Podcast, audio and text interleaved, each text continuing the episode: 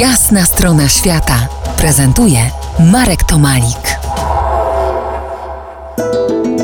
Gościem jasnej strony świata Michał Witkiewicz, podróżnik, dziennikarz, nauczyciel akademicki, przewodnik, pilot wycieczek, prezes Polskiego Klubu Przygody i animator turystyki autostopowej. Jak sobie tak jeżdżę po Polsce samochodem, mimochodem obserwuję, niewielu autostopowiczów rejestruje moje oko kierowcy. W Polsce mamy BlaBlaCar, w Europie mamy tanie loty.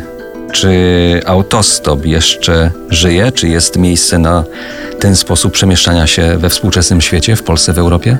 Autostop żyje, żyje w wielu krajach, żyje w Rosji. Na pewno się zmienił to, to o czym mówisz tutaj, że mamy serwisy typu BlaBlaCar. BlaBlaCar jest nie tylko polskim serwisem, jest ogólnoeuropejskim serwisem. To spowodowało, że tych e, autostopowiczów w pewnych częściach świata jest mniej, ale ale on nadal jest. Zmienił się, zmienili się ci autostopowicze, korzystają z aplikacji różnego rodzaju internetowych, które są dostępne. Ba, nawet są specjalne fora internetowe, na których się umawiają kierowcy, zwłaszcza ci jeżdżący tirami. E, jest taka strona, na której można zapytać się, czy ktoś jedzie w danym kierunku i bardzo często znaleźć kogoś, kto przewiezie z Portugalii do Polski albo w drugą stronę. A czy też zdarzają się tacy autostopowicze, którzy bez tych wszystkich aplikacji po prostu wychodzą na drogę, wyciągają kciuk do góry, czy też rękę do góry, czy też y, mają napisane na kawałku kartonu, bo tak było kiedyś i chyba troszkę to przetrwało.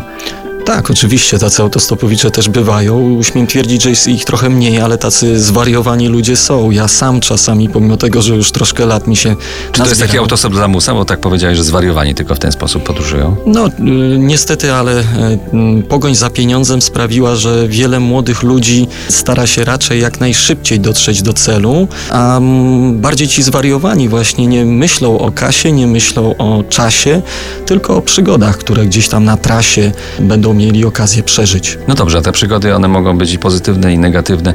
Jak oceniasz bezpieczeństwo we współczesnym świecie, tu i teraz, na autostopie, od strony tego, który zabiera i od tego, który wsiada do samochodu. No ja osobiście jakichś niemiłych przegód autostopowych nie przeżyłem. Znam takowe, ale, ale wbrew pozorom nie ma ich za wiele, tak? Bardziej kobietom się czasami może coś niemiłego no zdarzyć, no ale, ale no, ja jestem mężczyzną, nie miałem takiego problemu.